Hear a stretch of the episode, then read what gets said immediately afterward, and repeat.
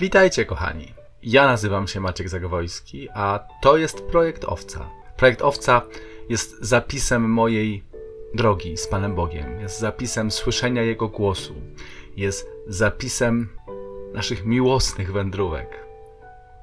Czymś bardzo osobistym, czymś bardzo dla mnie szczególnym, czym chcę się z Wami podzielić. To nasze podcastowe spotkanie natomiast, zatytułowane Bóg mówi, jest serią komentarzy do niedzielnych czytań, które mają zachęcić nas wszystkich do tego, żebyśmy nie byli prostymi odbiorcami tylko, żebyśmy chcieli sięgnąć głębiej, żebyśmy chcieli zobaczyć więcej, żebyśmy chcieli usłyszeć Jego, Jego Boga, żywy głos.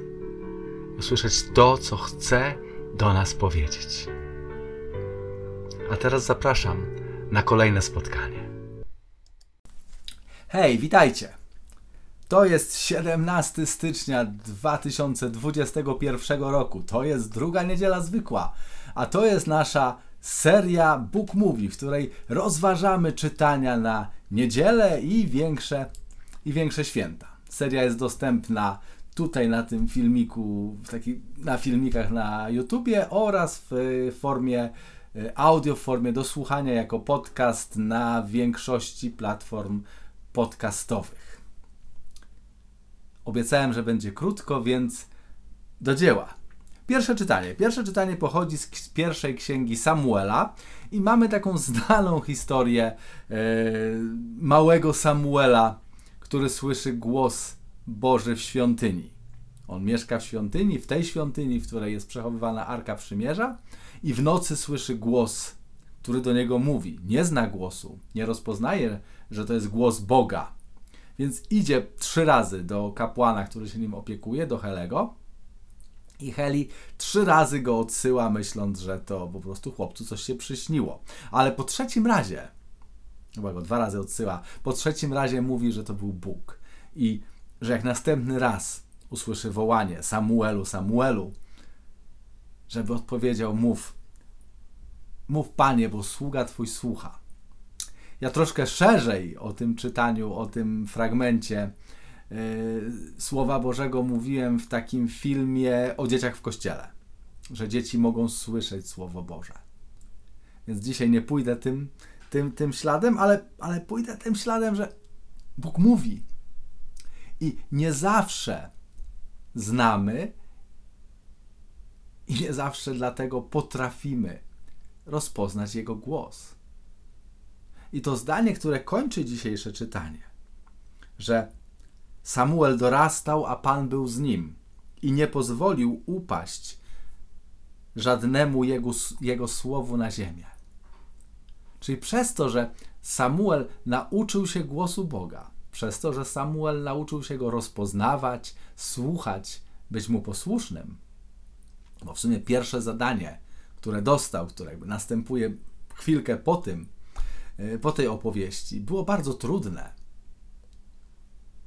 I przez to, że Samuel nauczył się słuchać Boga, Bóg był wierny Samuelowi. Czyli stała się rzecz zupełnie odwrotna. Że cokolwiek Samuel powiedział, cokolwiek Samuel prorokował, Bóg starał się to spełnić. To w ogóle widać w, mm, w tym, jak Pan Jezus się rodził, spełniając y, obietnicę.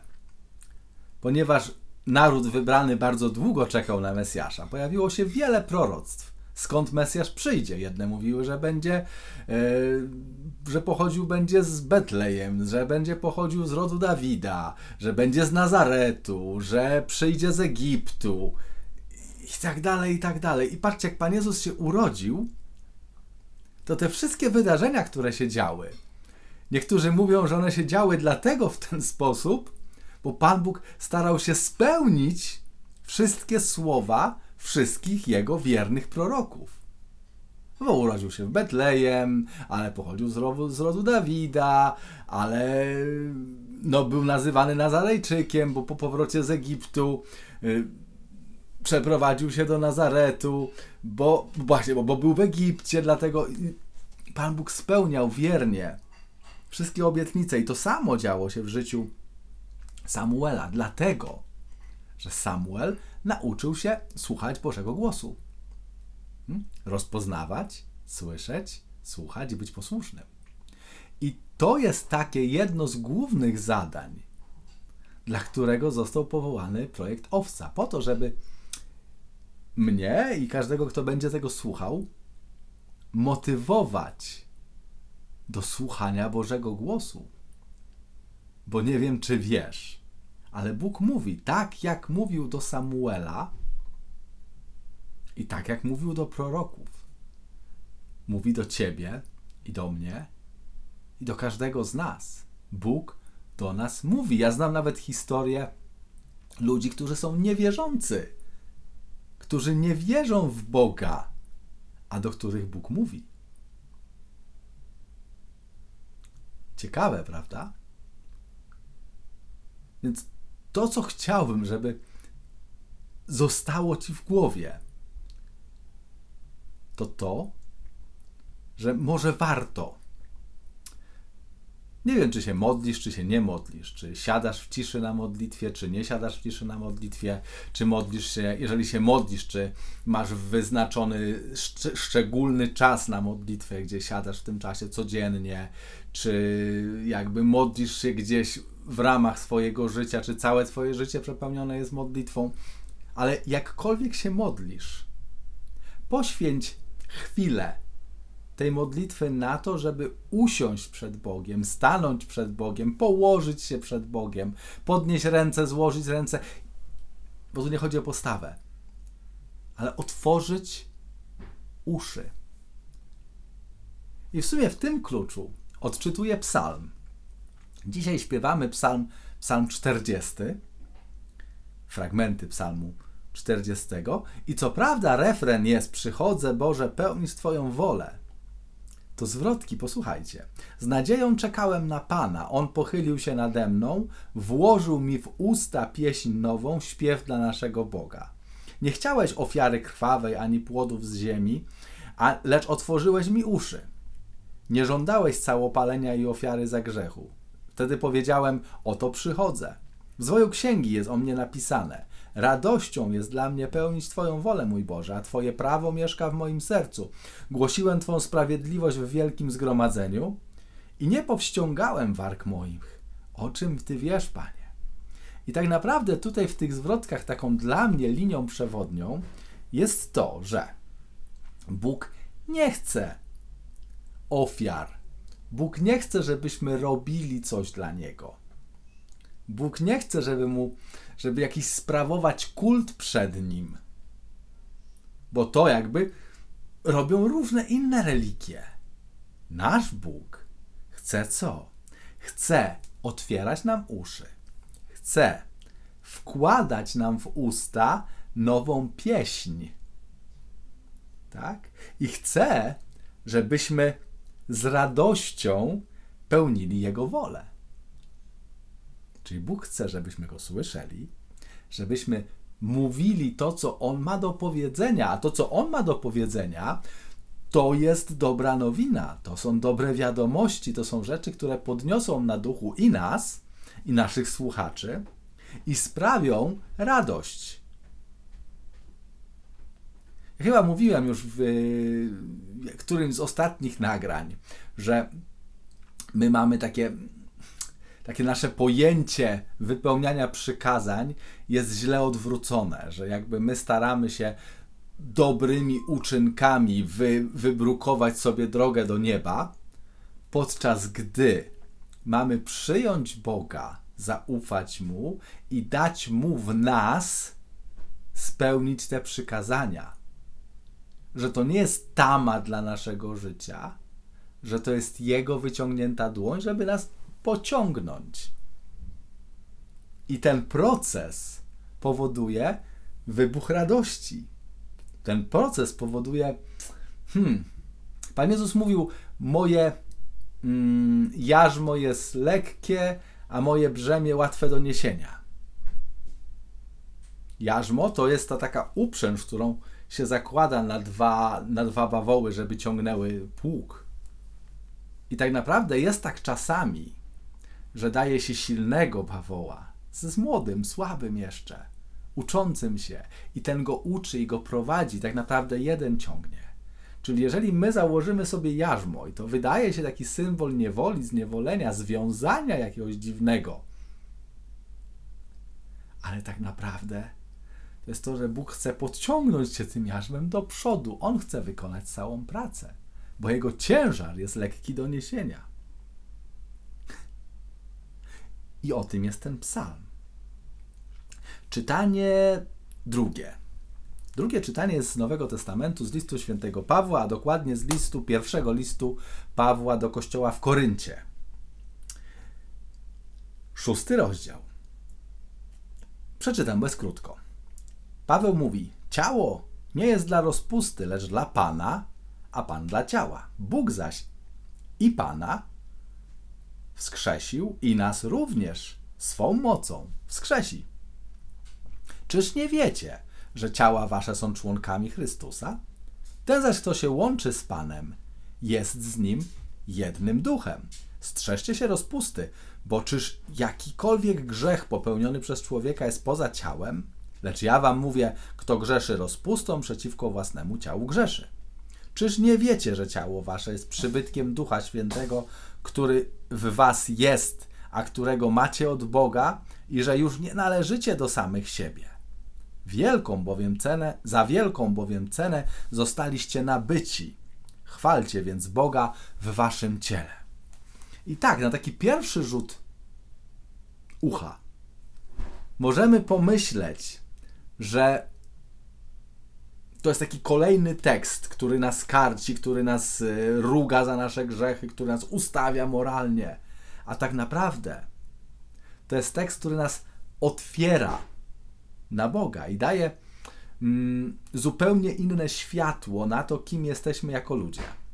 Bo mamy takie pojęcie, że świat jest zły, że ciało jest złe, że musimy się wyzwolić z ciała, żeby dać duchowi działać, że duch jest dobry, że to, co cielesne jest złe, to, co duchowe jest dobre, że mamy, że nasze ciało jest, leży e, no, w czymś, co jest kompletnie nieświęte, nawet aświęte, nawet, nawet bardzo grzeszne, a dopiero nasza dusza, nasz duch jest tym, co jest dobre.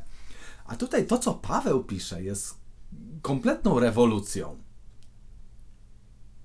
Bo Paweł pisze, że nasze ciało jest świątynią Ducha Świętego. Hmm? Paweł pisze, że Bóg, tak jak wskrzesił Jezusa w ciele, tak wskrzesi ciebie w ciele.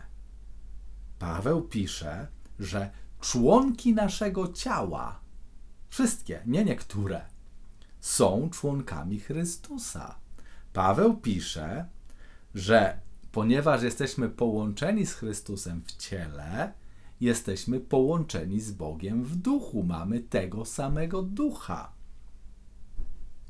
Dlatego, jeżeli wykonujemy grzech w ciele, jeżeli plamimy ciało grzechem, a ono jest połączone z Bogiem, a ono jest święte, a ono należy do Boga i Bóg do tego ciała, a ono jest przybytkiem, jest świątynią Ducha Świętego, tak? To to ma wpływ na całą naszą rzeczywistość, to ma wpływ na relacje z Bogiem, tak?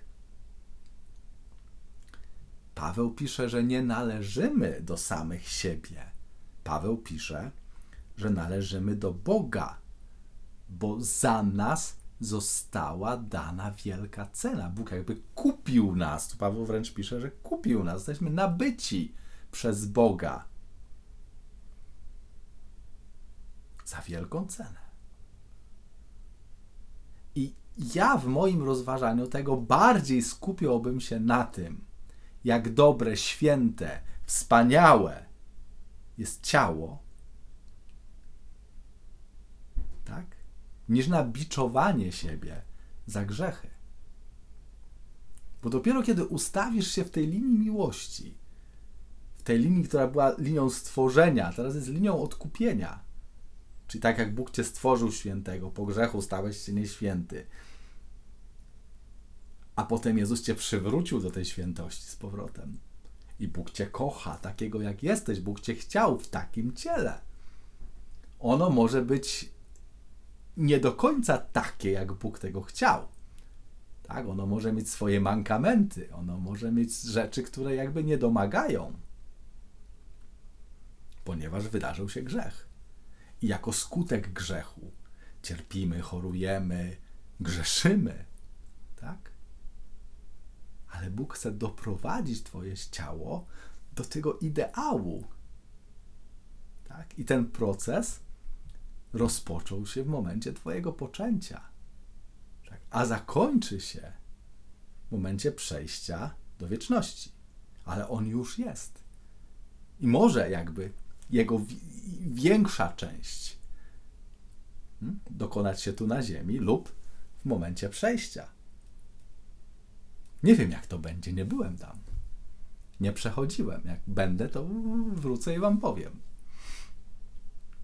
Tak? Ciało nasze jest święte. Czyli jakby u podstaw chrześcijańskiej wizji świata, przez 15 minut, leży to, że nasze ciało jest święte, że nie, nie, nie musimy wyzwalać się z ciała, że nie musimy skupiać się na duchu, na duszy, na tym, co niecielesne. Paweł też będzie pisał o, takiej, o, o takiej postawie jako dobrej, ale w innym sensie. Tutaj pisze, jakby stawia taki fundament, że jesteśmy połączeni w ciele i ciało jest ważne. Ewangelia. Pierwszy rozdział cały czas świętego Jana. Od 35 wersu już kończy się ten hymn i Jan przechodzi do konkretu. Opowiada historię Jana Chrzciciela. Pan Jezus, Jan Chrzciciel chrzci, jest kolejka, ustawiają się grzesznicy, Pan Jezus przechodzi i Jan wskazuje na Pana Jezusa, mówi oto baranek Boży, i dwóch kolesi z tej kolejki. Wiemy, znamy imię jednego, to jest Andrzej, brat e, Szymona Piotra, i drugi, przepraszam, e, zawracają z tej kolejki i idą za Panem Jezusem. Pan Jezus, i to bardzo lubię, bo tu jakby ukazuje się trochę charakter Pana Jezusa. Pan Jezus obraca się do nich i, i pyta, czego szukacie? Tu możemy sobie pograć e, różne role, włożyć różny ton głosu Pana Jezusa. Nie wiem, czy tak czytacie Pismo Święte, że e, staracie się znaleźć ten ton, którym Pan Jezus powiedział te słowa. Czy powiedział, czego szukacie, czy czego szukacie? Hmm? Poszukałem sobie w słowniku tego słowa, które tutaj jest użyte. I ono znaczy szukać, ono znaczy pragnąć, ono znaczy wymagać, żądać, poszukiwać, podążać, dążyć, życzyć sobie, mieć ochotę. Czyli Pan Jezus albo pyta, czego chcecie? Po co za mną idziecie? Albo pyta, tak jak pytał niejednego chorego, co chcesz, abym ci uczynił. Tak, a oni mówią, rabbi, to znaczy nauczycielu, gdzie mieszkasz? Chcemy wiedzieć, gdzie mieszkasz. Jezus bierze i chodźcie, a zobaczycie. I to mi się strasznie podoba, bo to pokazuje, chociaż ta Ewangelia Jana jest taka podniesiona do świętości bardzo, jest bardzo dużo takich ulo, takich nie wiem jak to nawet określić, takich podniosłych słów i tam jest bardzo dużo podniosłej teologii, to w tym w tym dialogu widać Jezusa. Czego chcecie? Po co za mną idziecie? No chcemy zobaczyć, gdzie mieszkasz, to chodźcie. I poszli do Niego i byli u Niego. I po tym spotkaniu Andrzej biegnie do swojego brata Szymona i mówi: Szymon, znaleźliśmy Mesjasza. I życzę Tobie takiego spotkania. I życzę Tobie i sobie też coraz bliższych spotkań, takich żywych, prawdziwych, realnych spotkań z Jezusem, gdzie Jezus obróci się i zapyta: Po co idziesz? Czego tu szukasz? Czego chcesz? A myśl, no ja chcę zobaczyć, kim ty jesteś, ja chcę zobaczyć, gdzie ty mieszkasz. To chodź. Daj się wziąć Jezusowi w podróż. Kochani, dziękuję Wam za czas poświęcony. Znowu wyszło za długo.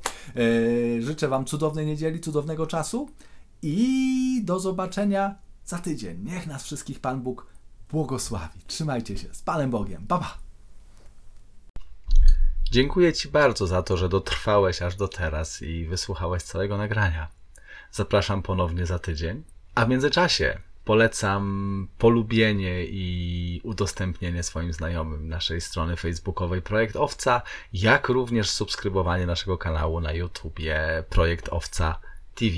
Życzę Ci wszystkiego dobrego, wielu łask Bożych, błogosławieństwa Bożego i ogromu mocy Ducha Świętego w życiu Twoim i Twoich najbliższych.